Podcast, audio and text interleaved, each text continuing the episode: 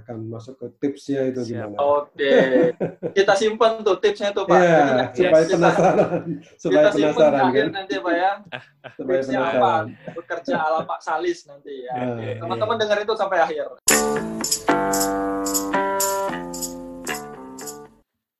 Halo semuanya, kembali lagi di podcast Geo Insight. Kali ini kita ada di segmen CEO Talk.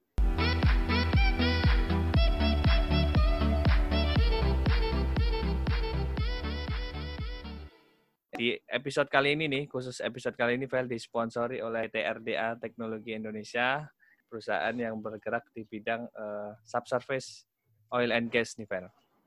Oke, thank you banget RDA yang sudah menjadi sponsor kita di episode kali ini. Dan pokoknya teman-teman dengerin terus episode ini sampai akhir karena akan ada informasi menarik buat teman-teman, jadi jangan sampai kelewatan.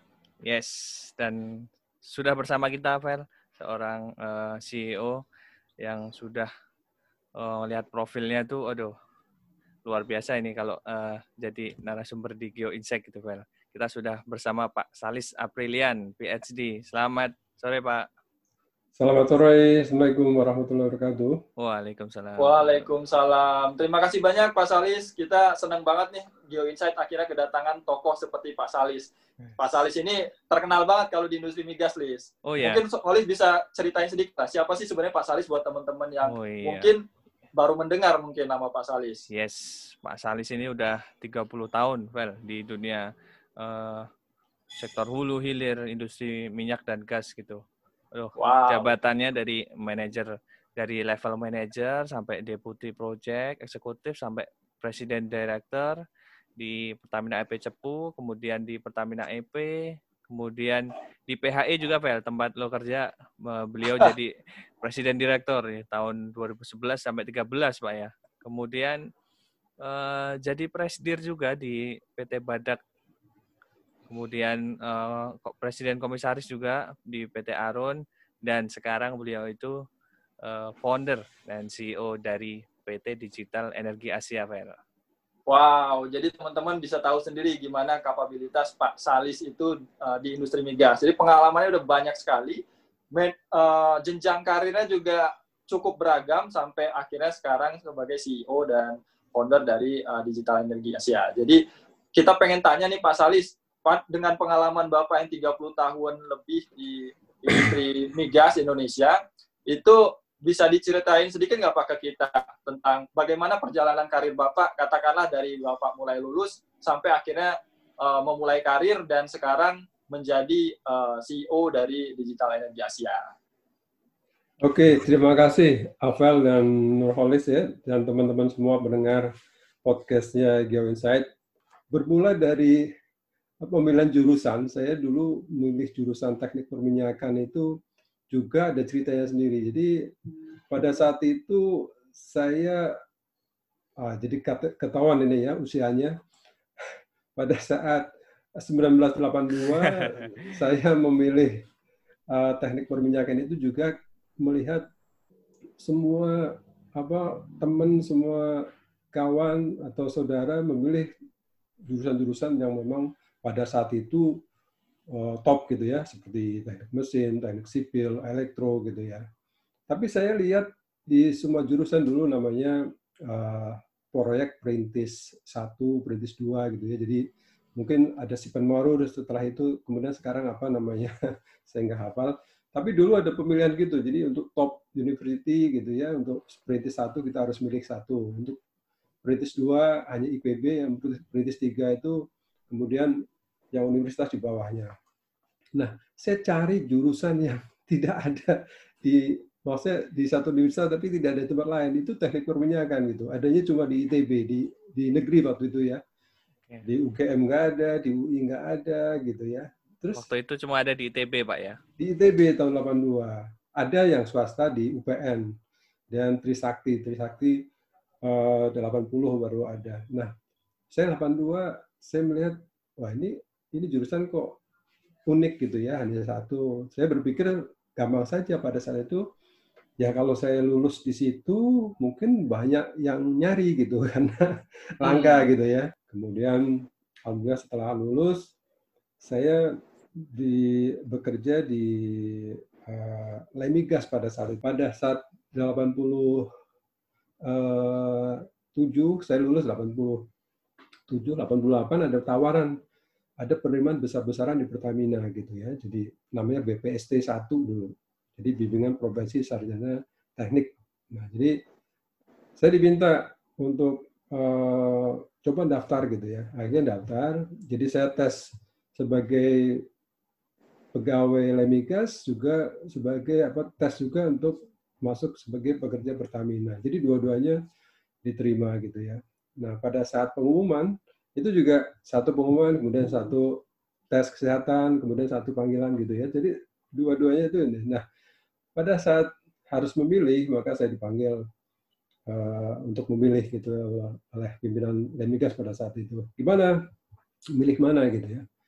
Terus akhirnya ya karena di Lembigas juga mengerjakan proyek Pertamina, saya bilang ya saya akan gabung Pertamina karena mungkin saya bisa nanti di sana mengerjakan apa studi-studi di dalam Pertamina. Oh iya silakan gitu karena itu pilihan. Nah saya ditempatkan di lapangan Tanjung. Tanjung itu di Kalimantan Selatan ya, jadi jauh dari apa kota gitu pelosok.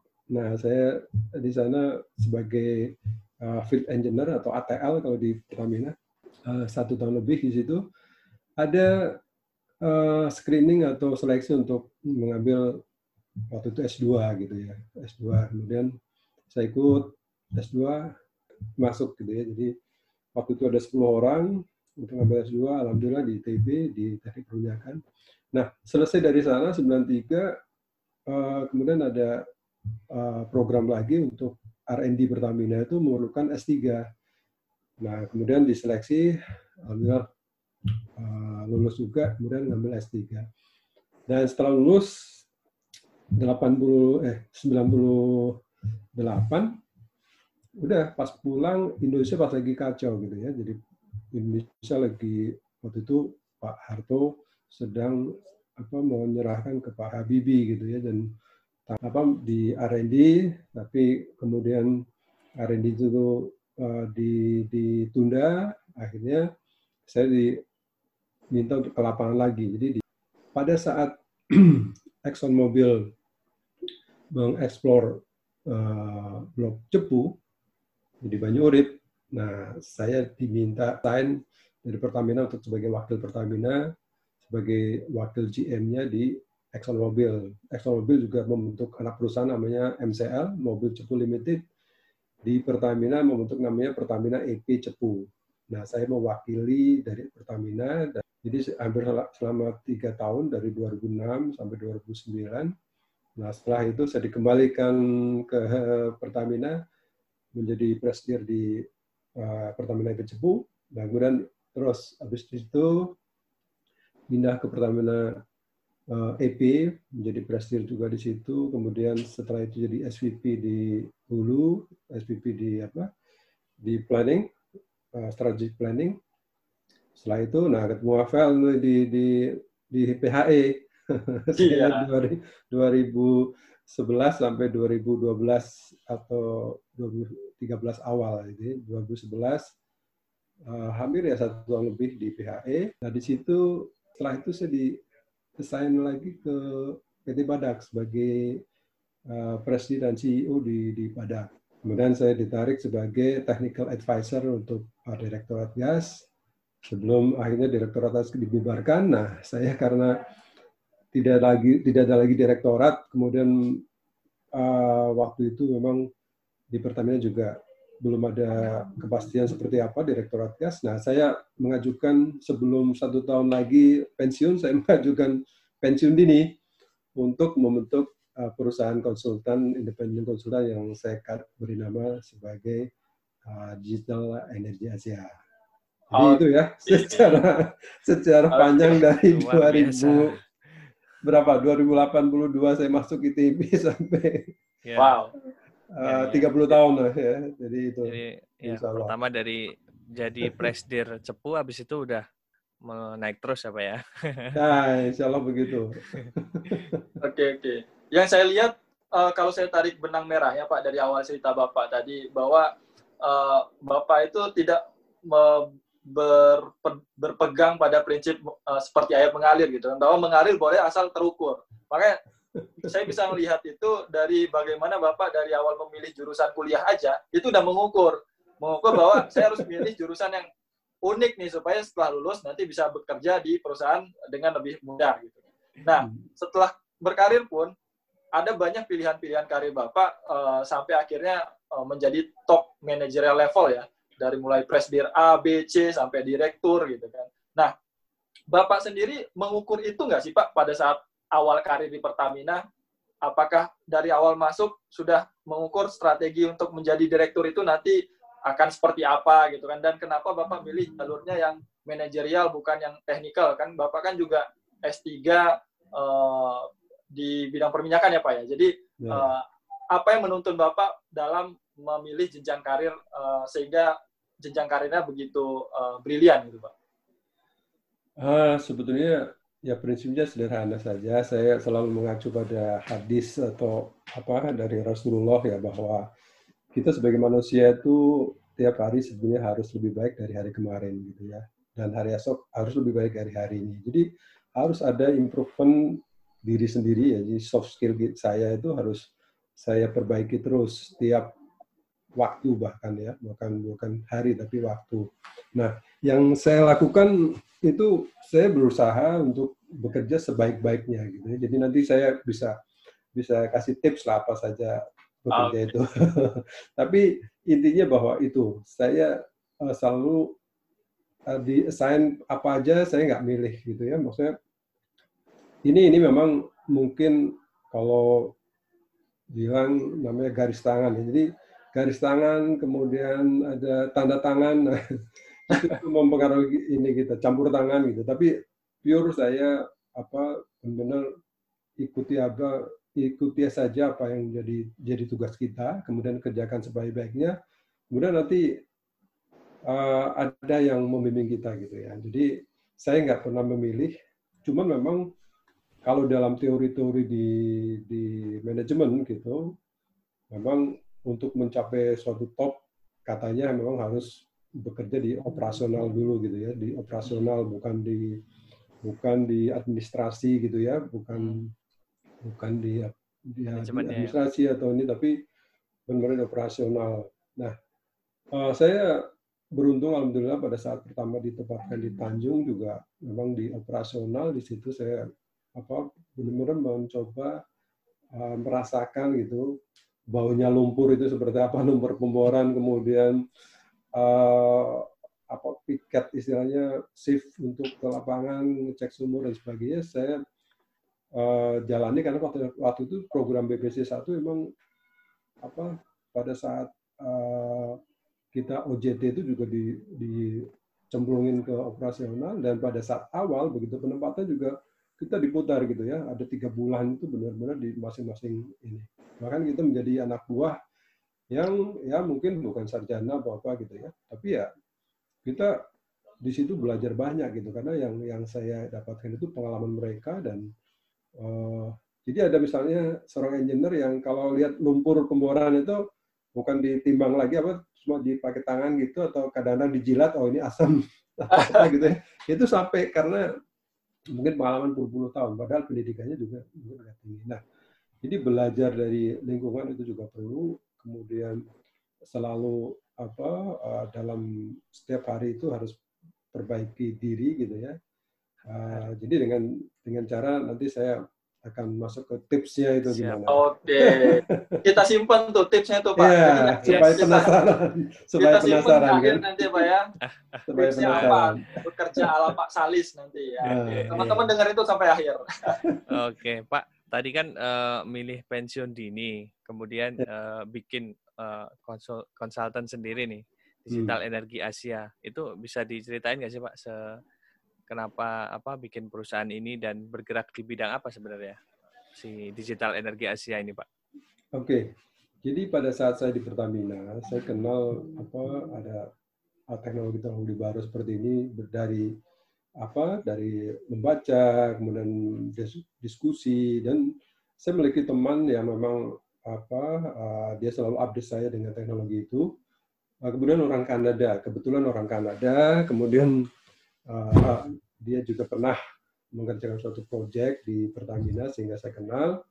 Uh, dan teknologi ini saya pelajari itu makin lama makin bikin penasaran gitu ya bahwa ya sekarang dunianya udah yang namanya apa teknologi 4.0 itu itu sudah memudahkan sekali manusia untuk bekerja asal kita tahu ininya ya triknya atau uh, jalannya gitu ya seperti uh, ya sekarang ada ada Gojek atau Grab gitu ya yang memudahkan orang kemudian bisa mendistrap uh, angkutan umum seperti taksi dan sebagainya itu di berbagai uh, aspek kehidupan sekarang sudah begitu. Nah pada saat itu pada saat saya belum belum ada kepastian bahwa di Pertamina ini seperti apa di kurang satu tahun uh, saya berpikir pada saat itu ya sudah jadi di top top manajemen untuk dari hulu hilir saya udah rasakan gitu ya. Kemudian apalagi gitu ya akhirnya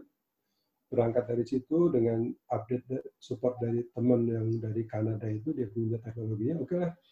Saya membuat suatu terobosan. Saya waktu itu berpikir inilah saatnya bahwa di sektor energi itu yang sekarang ini ketinggalan ya dibanding dengan sektor katakanlah transportasi atau di medical bahkan mereka sudah bisa namanya operasi jarak jauh gitu ya di, di kedokteran gitu atau di yeah. transportasi tadi. Uh, ya segala macam sudah di disrupt dengan teknologi ini. Tapi di oil and gas itu belum banyak gitu ya.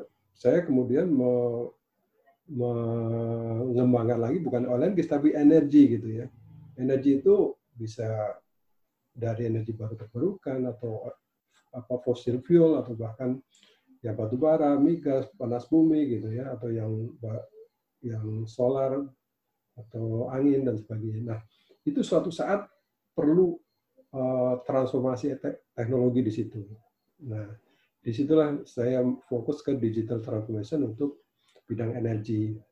Nah, tetapi karena ada gap gitu ya, gap ya gap teknologi, gap persepsi, gap apa pengetahuan sehingga saya sulit untuk menerangkan katakanlah uh, saya apa ke teman-teman OSES juga sudah pernah itu apa kita diskusi forum kecil gitu di ruang rapat saya tunjukkan bahwa kalau memakai ini Anda bisa apa bisa cost apa reduce cost, bisa lebih reliable sistemnya dan sebagainya. Tapi yang uh, mereka perlu belajar dulu gitu ya bahwa wah ini teknologinya nanti saya kerja apa gitu ya sampai sampai ya sampai begitu. Mungkin kalau di uh, teman-teman geologi atau geofisik yang ini udah lama kan namanya bikin peta gitu kan, kan udah nggak pakai kayak dulu zaman saya pakai kalkir gitu ya. ya Betul. Sekarang kan udah uh, uh, dan itu bisa digantikan robot ya. Nah itu yang yang mengerikan sebetulnya kalau saya presentasi seperti itu di di forum-forum banyak yang kemudian antipati atau apa uh, jadi menolak gitu ya. Nah saya bilang kalau kita nggak masuk ke situ, kita akan ketinggalan gitu. Jadi saya cuma membayangkan, saya bisa mengoperate satu anjungan atau dua anjungan uh, di lapangan di platform katakanlah apa di OSES atau di itu atau di ONWC di WMO itu hanya dioperasikan untuk beberapa orang aja gitu. Yang engineer lain oke okay, fokus ke diskusi bahwa bagaimana mengoptimalkan produksi gitu, bagaimana membuka lapisan yang baru dan sebagainya dari sisi yang nggak bisa dilakukan oleh uh, digital ini. Jadi hmm. ini mengganti sebenarnya sistem yang yang rutin repetitif saja, misalnya laporan produksi daripada misalnya oh ah, dari sana pakai radio kadang-kadang juga ada kendala atau sekarang sudah ada juga yang semi otomatis gitu ya, tapi belum masih pakai Excel juga memasukkannya, kemudian analisanya. Kalau pakai ini udah udah bisa langsung keluar grafik dan kita bisa analisa lebih cepat gitu ya. Kalau ada ada katakanlah gangguan atau apa semacam noise gitu, langsung sistem langsung bisa menganalisa oh ini ada apa gitu. Misalnya kompresor apa fit ininya uh, kurang gitu ya gas gas gasnya kurang untuk di, di ininya dia akan akan bergetar nah nanti ini menghebohkan loh akan turunkan uh, inletnya atau seperti apa jadi uh, saya fokus pada pengembangan uh, monitoring dan optimisasi gitu nah hmm. Tetapi karena belum semuanya juga juga menerima, saya kemudian me, bukan mendowngrade, tapi saya lebih ke sosialisasi melalui training maupun uh, sharing session gitu ya se, sebagai ini di mana-mana gitu tentang teknologi digital ini. Jadi ke teman mahasiswa juga sering undang untuk presentasi di sharing di panelis gitu tentang teknologi gitu ya. Ya, hmm. tapi terkait dengan migas maupun uh, energi gitu. Saya saya sekarang fokus di situ. Oke, okay. okay.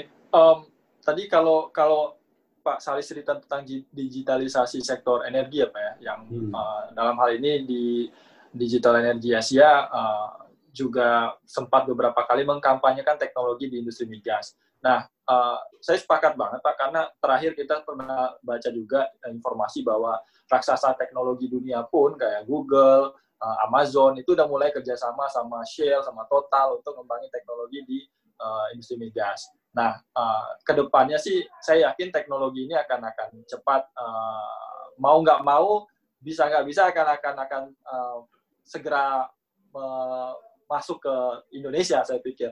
Nah, kalau menurut Bapak sendiri kira-kira apa yang menjadi tantangan terbesar prospek migas Indonesia itu terhadap uh, yang nantinya dari teknologi ini bisa membantu uh, masalah yang ada di uh, bisnis migas Indonesia, Pak?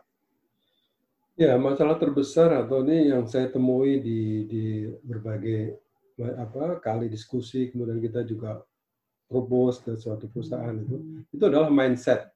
Mindset ah. arti cara berpikir, terutama top leadernya ya, apa uh, yang yang eksekutifnya. Karena usulan kata memakai teknologi digital ini tidak tidak bisa itu dari bawah gitu menuju ke atas. Kalau atas sendiri masih enggan gitu untuk menerima atau kadang-kadang ah itu kan nanti aja gitu. Ya itu apa uh, teknologi kan tools saja jadi hmm. bukan prioritas gitu ya. Nah tapi lama-lama ya seperti cerita ini katak di dalam apa uh, panci yang sedang hangat gitu tapi ternyata di bawahnya ada api yang yang lagi meng, me, merebus dia gitu ya. Tiba-tiba anget anget anget anget langsung matang aja katak itu ya. Dia tidak loncat. Nah ini juga karena kita sudah di uh, dalam comfort zone yang ya udah pakai teknologi yang biasa juga bisa masih bisa produksi gitu ya. Kan hmm. selalu selalu kalau di di apa tawarkan suatu teknologi atau cara baru orang akan enggan untuk berubah gitu ya. Nah itu mindset. Jadi eh, teknologi ini uh, challenge besarnya adalah di mindset. Mindset terutama top manager atau top top leadernya. Ah. Kemudian yang ya yang kedua ya setelah mindset ya pengetahuan dia, dia sendiri mungkin belum belum apa belum jadi awareness dari si yang punya lapangan atau punya pekerjaan itu belum belum ya masih menikmati cara cara-cara yang konvensional gitu, yang analog gitu, yang biasa aja. Jadi belum ada apa move on gitu ya. Nah itu juga mempengaruhi juga karena biayanya juga sebetulnya nggak nggak begitu mahal kalau dibanding nanti hasilnya gitu ya. Ya seperti halnya uh, karena kita berpikir katakanlah perusahaan taksi itu sekarang kan saingannya bukan sesama perusahaan taksi tapi dengan perusahaan aplikasi ya. Yeah. Gojek itu kan perusahaan aplikasi. Ini juga nanti gitu. Jadi oil and gas mungkin nanti saingannya yaitu tadi Google udah masuk untuk untuk membantu atau bahkan Google punya lapangan uh, migas sendiri, sendiri gitu ya. Hmm, kayak Amazon juga karena dia punya big data. Nah, ini penting juga big data analytics kan salah satu ciri dari teknologi 4.0 jadi kita jangan senang misalnya ya di update di status kita misalnya di Google kalau kita biasanya buka aplikasi baru kan ya suka minta dia data kita gitu ya atau ada apa deny atau low gitu ya, apa mau ditolak apa di, diizinkan gitu ya Nah begitu kita izinkan, begitu dia masuk, data kita kan itu sebenarnya untuk untuk untuk uh, big data analitik gitu. Hmm. Ya oke oke oke. Um, ya menarik bapak. Karena mau nggak mau teknologi akan akan segera hadir walaupun kita resisten untuk sekarang, tapi kalau nggak ya analogi katak yang direbus tadi itu masuk banget. Soal mindset yeah. pak, mindset yeah. itu uh, saya tertarik nih kalau ngomongin mindset itu uh, Pak Salis yang saya kenal itu adalah orang yang punya mindset uh, apa di di luar di luar uh, kotak ya out of the box lah gitu. Salah satunya Pak Salis ini um, suka menulis opini maupun sudah menerbitkan buku juga uh, saya saya baca tuh bukunya Pak Salis yang berjudul membangunkan energi nasional di situ ada banyak sekali um, apa uh, pola pikir Pak Salis yang dituangkan ke dalam sebuah buku uh, untuk energi di nasional. Salah satunya yang saya ingat itu uh, the right energy at the right place gitu kan, semacam hmm. suasana energi di daerah-daerah. Uh, jadi jangan-jangan fokus di satu daerah aja deh ngembangin energinya. Energi hmm. daerah sana tuh punyanya apa? Ya udah pakai energi itu. Nah, hmm. nanti Pak Salis mungkin bisa cerita sedikit tuh Pak soal uh, apa kegemaran Bapak dalam berpikir dan bisa menuangkannya ke dalam tulisan. Uh, itu hmm. sampai keluar dua buku dan ada mungkin puluhan opini yang Bapak yang sudah diterbitkan surat kabar. Itu uh, dimulai dari mana itu Pak kegemaran menulis itu? Ya, memang waktu mahasiswa juga saya apa mengurus namanya me, Mabok ya, majalah Tembok. di teknik kan di DB. Uh, saya kebetulan di situ sebagai kartunisnya, kartunis. Jadi saya dulu waktu di Bandung itu bergabung dengan Karung namanya. Karung itu kerabat kartunis Bandung. Jadi saya kartunis sebetulnya. Luar biasa, Pak. Ada saya kartunis. Karena dominan saya otak otak saya ternyata spontan dan dan kreativitas kreativitinya tinggi kalau dominan spontan. Jadi di di otak eh, kanan sebelah depan itu kalau diukur nanti pakai saya sekarang lagi lagi mendalami neurological dominance, neurological science gitu ya. Jadi saya sebagai coach uh, selain tadi saya bikin apa uh, perusahaan digital, saya sekarang lagi mendalami aku melajari coaching gitu ya. Nah, coach. Jadi orang memang beda-beda ininya apa dominance otaknya. Nah, saya setelah dipetakan ternyata uh, dominan saya adalah di otak kanan sebelah uh, depan. Nah, itu kreativitas kemudian big tadi out of the box ya. Bahkan without box ya. Kalau saya berpikir itu bebas saja nggak ada kotaknya gitu ya. Uh, dari pengalaman saya sebagai kartunis itu selalu berpikir memang lain dengan jadi orang yang orang lain yang nggak lihat saya lihat gitu ya. Itu sering. Mungkin itu yang yang membimbing membimbing saya. Jadi apa orang melihat selalu ada ide baru gitu. Nah seperti misalnya saya orang lain lihatnya ada pohon, oh ini pohon mangga, pohon durian, atau pohon jati. Saya melihatnya itu hutan gitu. Itu hutan, oh di sana ada telaga, ada ada danau gitu. Tapi orang lain melihatnya hanya hutan apa pohon mangga, ada pohon jati, pohon ini. Padahal saya melihatnya hutan. Jadi itu yang kalau dulu di kerabat kartunis Bandung itu di Karung itu kalau ada pameran itu mendadak kan pameran mengenai lalu lintas gitu dipanggil polisi apa kepolisian Kapolda minta ada pameran kartun gitu tentang lalu lintas. Nah, kita harus berpikir tuh, lalu lintas itu misalnya oh dari mobilnya apa, mobilnya itu ada ininya apa, dari si mana gitu ya yang yang bisa jadi lucu dan mengkritik gitu ya. Itu kelebihan dari kartunis. Nah, uh, kapan saya nulis itu? Ya pada saat itulah mulai belajar nulis. Saya dulu belajar nulis itu dari artikelnya Arswendo ya, almarhum Arswendo itu saya suka dan dia ada bukunya bagaimana cara menulis gitu ya. Nah, kemudian sekarang tentang energi itu juga saya selalu kritisi tadi di buku saya itu uh, di tahun 2010 saya udah tulis itu bahwa uh, energi kita itu bukan krisis Indonesia itu nggak pernah nggak pernah kenal krisis energi. Saya ulangi lagi ya di Indonesia nggak akan ada krisis energi, yang ada adalah krisis manajemen energi. Saya selalu uraikan itu di tulisan-tulisan saya bahwa kita itu krisis manajemen energi. Kenapa? Sekarang Avel atau uh, Hollis sebutin aja energi apa yang ada di dunia. Di Indonesia ada. Mau energi solar sekarang yang dikembangkan di Middle East sana solar cell ini atau Cina lagi mengembangkan di Indonesia bisa atau bayu ya apa angin di Indonesia bisa gelombang apalagi Indonesia laut ya. Kemudian PLTA ada. Minyak batu bara gas ada LNG ada. Apa yang nggak ada kita? Tapi manajemennya itu yang tidak tidak apa tepat gitu. Sehingga saya di buku itu bilang oke okay lah kalau mau bikin apa energi Indonesia sustain itu harus pakai prinsip the right energy in the right place dan the right time juga saya tekankan di di akhir itu. Karena apa? Seperti Masela. Masalah gas ya. Dia ada di situ.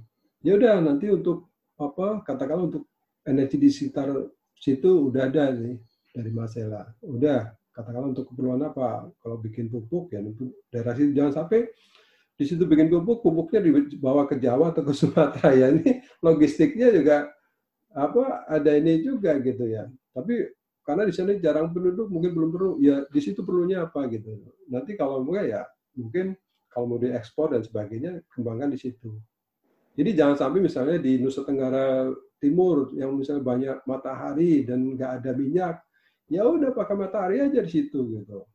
Terus mobil-mobilnya ya jangan pakai bensin, pakai mobil listrik.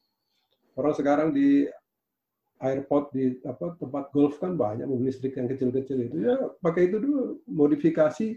Saya kira ITS juga udah bikin tuh namanya apa molis apa apa dia ya itu bikin listrik pakai ini. Kalau malam gimana ya itu baru mungkin sebelum ditemukan baterai yang yang canggih ya. karena kuncinya kan baterai sebetulnya untuk menyimpan energi itu matahari dia udah pakai energi konvensional tapi kalau siangnya atau selama ada energi bisa diserap di ini ya pakai itu.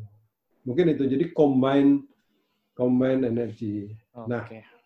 sehingga saya juga apa berpikir bahwa mungkin kita juga harus mengubah ini apa eh, direktorat-direktorat yang ada di kementerian gitu yang mengurusi itu.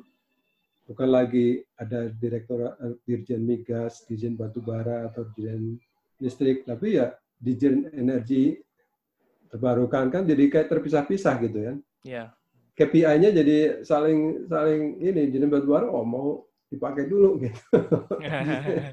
tapi kalau mungkin saya nggak tahu dirjennya mungkin jadi dirjen apa energi apa gitu ya. Kemudian satunya menyoroti tentang keselamatan kerjanya, satu satunya mengenai kesiapan teknologinya gitu ya. Mungkin mungkin jadi satu kesatuan gitu Pak ya. Iya, jadi di bukan bukan per komoditi gitu. Mungkin ya, ya. ya karena sekarang Anda lihat antara panas bumi gitu ya yang mengembangkan panas bumi tiba-tiba ini PLN mau pakai batu bara kalau batu bara masih murah gitu. Panas bumi katanya mahal. Tapi coba dihitung secara keseluruhan. Efeknya dan mungkin apa kalau saya pernah ngobrol nih kalau Bandung, Garut, Tasik itu yang sekitarnya ada di situ ada Kamojang ada ya udah listriknya dari Kamojang aja dari itu udah jangan pakai yang lain gitu. Mungkin yeah. bisa gitu. Tapi yeah. itu harus diurusi deh oleh Kementerian ya, Energi jangan sampai batu bara juga pengen jualan di situ gitu. Iya iya iya. Menarik Pak tadi Pak uh, statementnya berarti di Indonesia kan nggak pernah krisis energi, tapi krisis manajemennya ini. Ya, ya, ya. Dan tadi uh, apa energi yang benar di uh, tempat yang benar gitu dan hmm. waktu yang benar. Ya. Betul. Ya.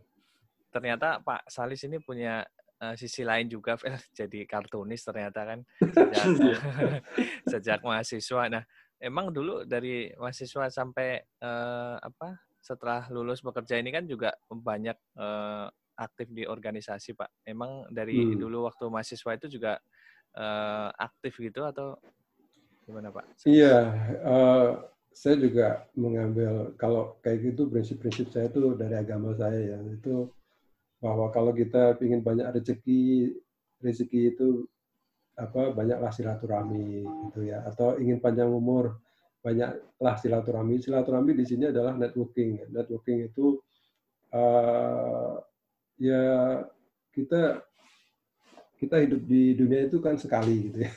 Sekali kalau jadi dibilangnya seribu seribu kawan itu belum cukup kalau ada satu musuh gitu ya. Satu musuh itu udah terlalu banyak gitu. Jadi ya kita sebisa mungkin berkawan dengan siapa saja. Tapi ingat bahwa kita berkawan dengan siapa saja, tapi kita harus dekat dengan orang yang selalu memberi inspirasi atau paling enggak dia punya apa uh, passion atau bahkan punya semangat untuk kita bisa tiap hari bisa lebih baik tadi. Lebih baik lebih baik lebih baik lagi. Jadi kawan itu memang banyak tapi kalau udah kawan satu katakanlah mengecewakan dia katalah pemabuk atau apa ya oke okay, kita sekedar kawan nggak perlu benci dia tapi ya jangan sering-sering bergaul terlalu dekat dengan dia gitu. Tapi semua semua saya apa uh, uh, senang untuk bergaul. Dan saya senang berorganisasi memang dari dulu di himpunan dulu di ITB namanya himpunan Patra ya HMTM Patra namanya.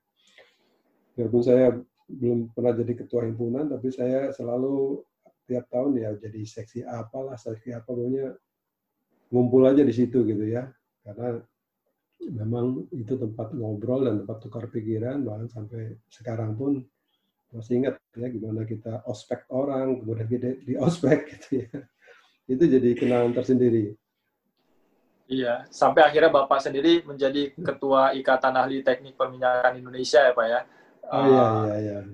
Jadi memang puncak karirnya tidak hanya di kantor saja, tapi di organisasi pun uh, Pak Salis itu memang uh, dianggap sebagai leader yang uh, baik ya, sehingga di banyak uh, komunitas selalu uh, dijadikan ketua.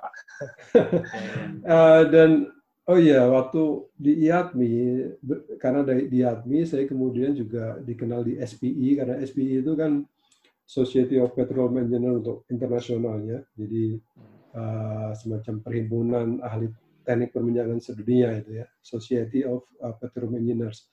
Itu kemudian menunjuk saya sebagai Regional Director untuk Asia Pasifik pada saat itu di tahun pada saat saya pegang apa IATMI. Jadi di sana tiga tahun uh, di Regional Director untuk Asia Pasifik untuk bagian selatan, jadi Asia Selatan. Jadi titelnya itu Regional Director untuk South Asia and Pacific gitu ya. Jadi saya membawai ada India, Pakistan, kemudian Indonesia sendiri tentunya, New Zealand, kemudian Papua Nugini, Australia gitu ya. Jadi dan negara-negara kecil kayak Fiji dan sebagainya. Itu di SPI dan sampai sekarang begitu selesai di situ sekarang masih menjabat itu uh, sebagai uh, member of council untuk uh, advisor di SPI, SPI Asia Pasifik. Gitu.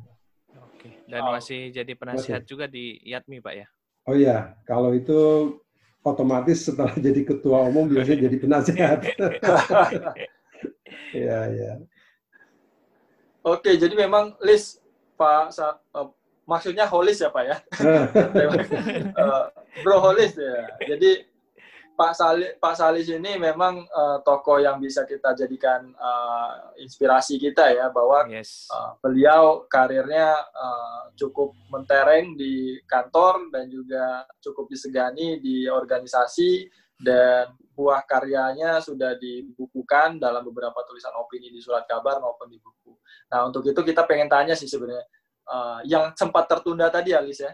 Yes, uh, benar. Tentang tips dari tips, Bapak ya. Salis. Uh, itu gimana Pak? Tips bekerja okay. ala Pak Salis. Oke, okay.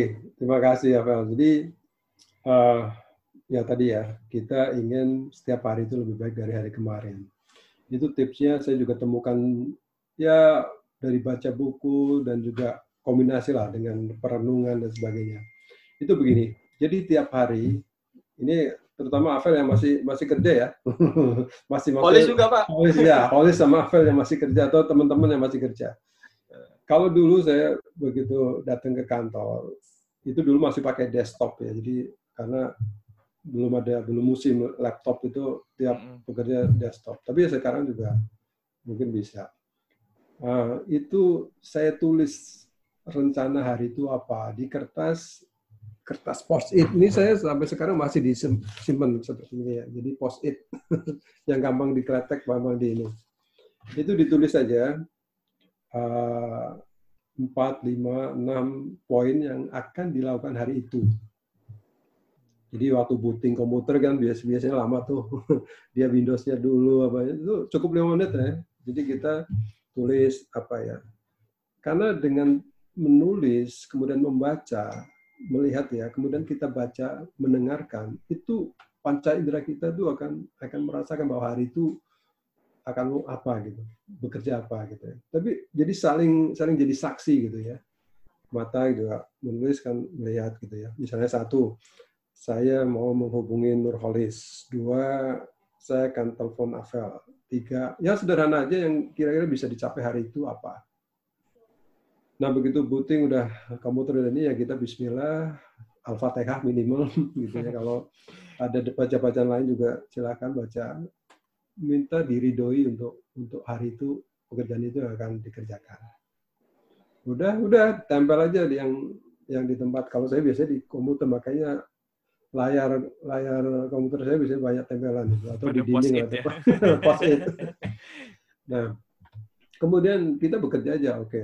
Begitu kita lihat lagi, oh ya belum, yang ini belum, oh, ini udah dicoret, yang udah coret. Begitu istirahat, isoma gitu, ya udah makan, sholat, gitu. kemudian lihat lagi, oh yang belum mana ini. Sampai sore gitu kita lihat lagi. Biasanya dari 5 atau 6, oh udah selesai, katakanlah 4, itu udah luar biasa gitu syukur-syukur udah bisa enamnya dicoret ya udah syukur begitu sisa dua ya untuk besok lagi nah di hari itu berdoa lagi pas selesai. Alhamdulillah sudah selesai empat dari enam. Semoga besok bisa yang dua bisa selesaikan lagi. Itu terus selanjutnya. Dan nggak usah lembur nggak usah apa gitu ya. Saya juga tekankan ke teman-teman atau bawahan saya jangan anda sampai lembur tiap hari gitu ya. Kalau sesekali ya kalau misalnya untuk lagi ngerjain WPNB gitu ya, mau mau presentasi di SKK Migas ya mau lembur mungkin sampai jam 8. Oke. Tapi kalau setiap hari berarti Anda bisa memanage waktu. Oh. Gitu. Kalau bisa memanage waktu, Anda nggak perlu lembur itu. Karena kita di 8 jam sehari untuk kerja, itu harusnya udah cukup. Kalau lebih gitu ya. Kalau Anda kerja di Australia malah dia kurang dari 8 jam tapi bisa tips yang satu saya sebut namanya five for eight. Jadi five minute for eight hours gitu ya. Jadi untuk gampang gampangnya teman-teman pendengar ini lima untuk delapan gitu ya. Jadi lima menit kita benar-benar harus rencanakan hari itu apa. Kalau perlu dibaca agak keras gitu supaya telinganya juga dengar gitu, dirasakan, di, di, dinikmati.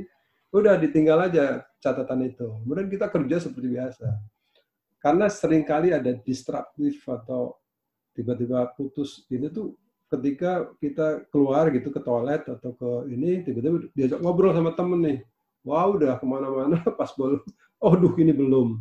Ini belum ini belum. Biasa gitu. Jadi kita ada kontrol kontrol diri sendiri untuk memperbaiki diri sendiri. Nah itu satu jadi five four eight. Kemudian sering kali teman-teman yang bekerja nih sering kali kita apa ada godaan. Godaan itu baik itu ada vendor yang tiba-tiba ngajak makan gratis atau kadang-kadang memberi apa hadiah untuk lebaran atau apa gitu ya. Itu kita pakai uh, sistem namanya uh, 3D. ini 3D. Jadi D pertama adalah disclose. Kalau kita ragu, ah, ini sesuai nggak ya dengan aturan perusahaan ya ini termasuk menyalahi nggak ya? Itu disclose. Disclose itu artinya kita ceritakan kepada teman atau atasan atau ya teman sekerja yang memang kita percaya bahwa dia bisa memberi solusi ya. Kita ceritakan. Nanti kita diskusikan. D yang kedua adalah discussion. Kita diskusikan. Nah yang D ketiga adalah documented. Bahwa kita ada hari itu ada yang macam ini kita dokumenkan kalau perlu namanya kirim memo to file. Jadi kita bikin memo to file. Jadi nggak dikirim ke mana-mana, tapi dikirim ke file. Itu untuk kalau nanti ada apa di belakang hari itu kita udah sudah aman. Ini saya dapatkan dari ExxonMobil memang. Tapi saya tambahkan lagi jadi bukan 3D tapi 4D. D yang keempat adalah doa. jadi oh. setelah tiga-tiganya itu tadi dilakukan, jangan lupa berdoa karena siapa tahu ada di sekitar kita tuh orang-orang nggak senang sama kita, kemudian memelitir kita, memfitnah kita, ya tapi dengan doa insya Allah akan lolos gitu ya. Iya. Mungkin ada saya... satu lagi tapi kayaknya waktunya udah nggak ada ya. Ada pak, waktunya pak. Masih ada. ada satu lagi. Oh pak. Jadi ini rumus-rumus juga. Jadi wah ini saya di Geoin saya cerita banyak jadinya nih ya. Spesial. Spesial ya. Nah kita kan punya, saya juga dapat nih, saya nggak tahu dari mana ya, tapi ini combine juga antara baca buku, dapat dari mana. Ini kita punya di tangan kita punya lima ini ya, lima jari. Itu ada maknanya. Itu. Jadi kalau kita mau mengimprove diri sendiri, tiap hari bisa bekerja lebih baik, itu satu jempol ya. Jempol itu sebagai perlambang bahwa kita harus mengapresiasi pekerjaan orang atau pekerjaan diri sendiri. Pokoknya setiap kali ada pekerjaan yang memang berhasil kita harus bilang bagus gitu ya. Kalau dulu Pak Tino Sidin mungkin zaman Avel masih kecil banget ya. ada Tino Sidin itu gambar apa saja bilang bagus. Yeah. Iya. Bahkan sekarang di internet juga gitu ya di Google atau apa di YouTube yang namanya kalau cari-cari like itu kalau like-nya banyak itu kan dapat duitnya banyak gitu ya. Ini juga gitu. Jadi jangan segan-segan kalau misalnya Nurholis ada apa prestasi sedikit, oh bagus Nur, atau bagus nih Holis, nah, bro Holis bagus nih. Nah, Akal juga gitu. Siapa? Begitu ada, oh keren, bagus. Nah ini yang jarang kita lakukan. Udah berkeluarga belum nih? Udah, Alhamdulillah. Nah, Udah, Pak. Nah gitu kalau anak prestasi apa dikit gitu ya, udah bilang aja bagus. Misalnya di sekolah, oh tadi menolong teman gitu, uh bagus, wah bagus. Jadi dia akan membuka untuk bagus selanjutnya. Kemudian jari telunjuk itu uh, menandakan atau menginikan supaya kita punya visi, visi ke depan itu harus ada. Tujuan hidup kamu apa? Itu harus ada. Jangan ayah ya udahlah kumahangke atau ya gimana nanti gitu ya ya gimana nanti aja. Tapi nanti gimana gitu ya. Jadi gini. Atau kalau dalam Islam ya believe in God. Jadi kita harus percaya Tuhan gitu ya, yang satu. Itu itu ini telunjuk. Kemudian jari tengah. Jari tengah itu ada nggak yang jari tengahnya itu lebih pendek dari yang lain? Kayaknya nggak ada ya. Nggak ada, Pak. nah itu artinya bahwa kita harus lebih, lebih menonjol dari yang lain. Apa aja misalnya di bidang ya istilahnya extra miles gitu ya. Punya multi talent. Saya kira Avel dan Nurholis ini hebat-hebat karena apa? Misalnya seorang geologis atau geofisik tapi bisa bisa bikin seperti ini, bisa jadi MC katakanlah. Seorang reservoir engineer kata kalau di apa ajukan untuk jadi negosiator dia bisa negosiator. Jadi kita harus punya extra mile.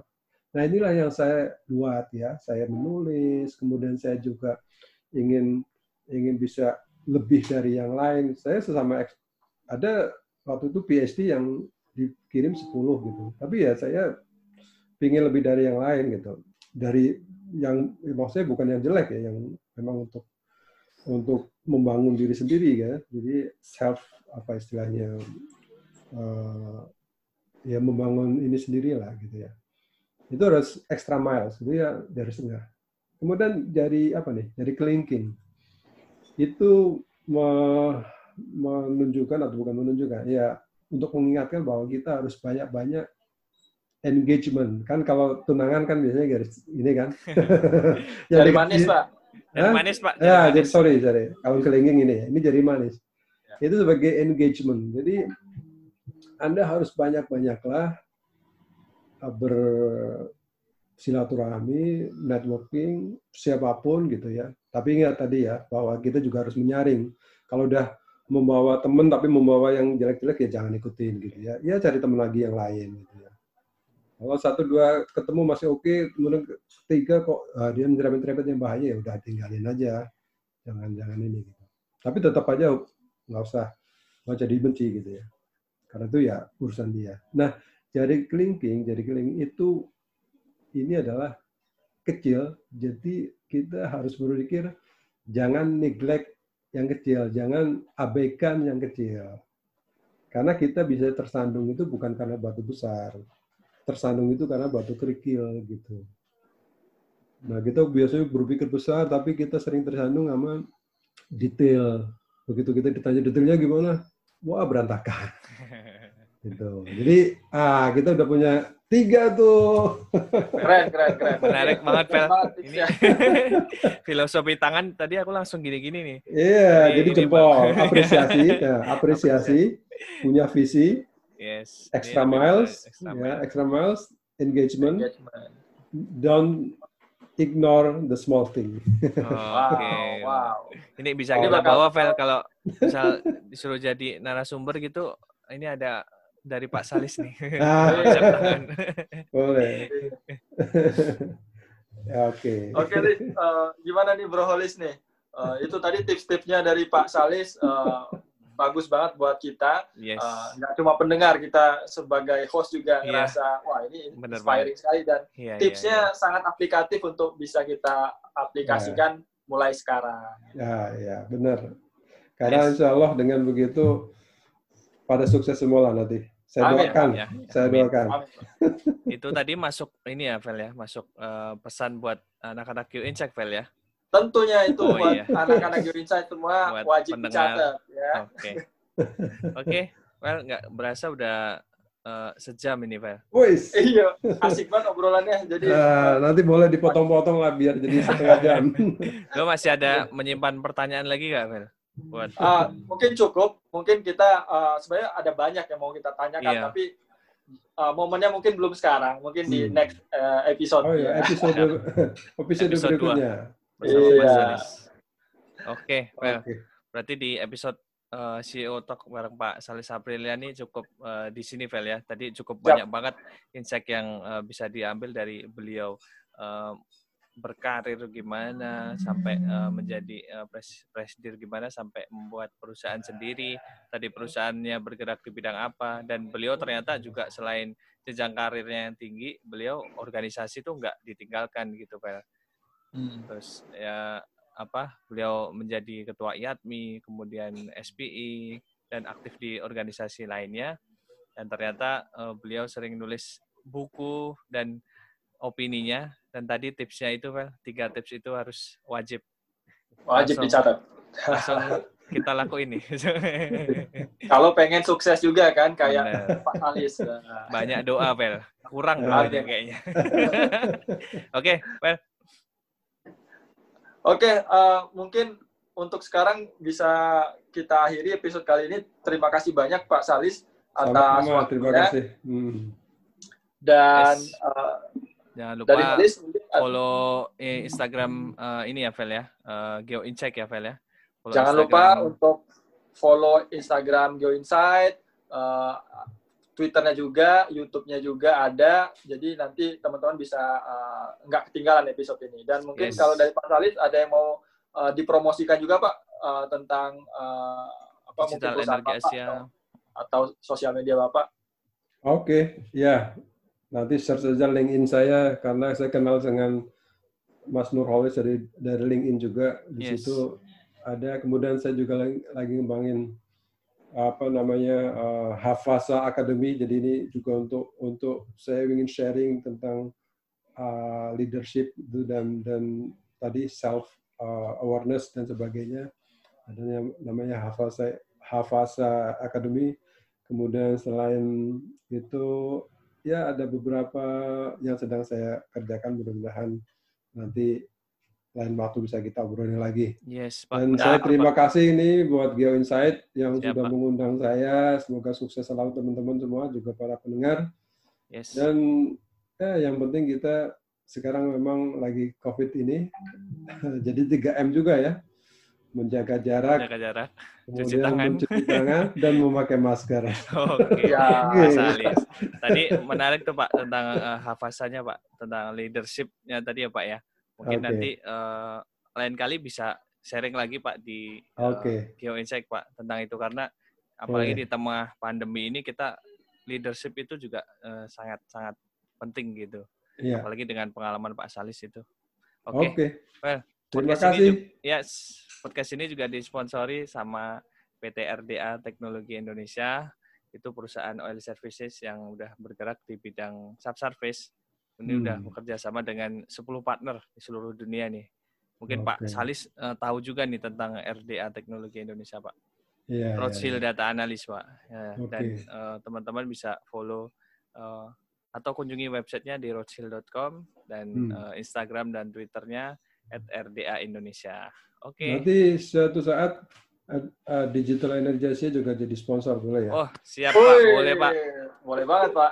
Dan akan menarik, Pak. Karena eh, apalagi tadi yang dikembang-kembangin itu, Pak, boleh di dijabarkan gitu, Pak. Oke. Terima Siap. kasih. Thank you. Oke, sampai jumpa di episode Geo Insight berikutnya. Salam. Salam. Assalamualaikum. Waalaikumsalam. Waalaikumsalam.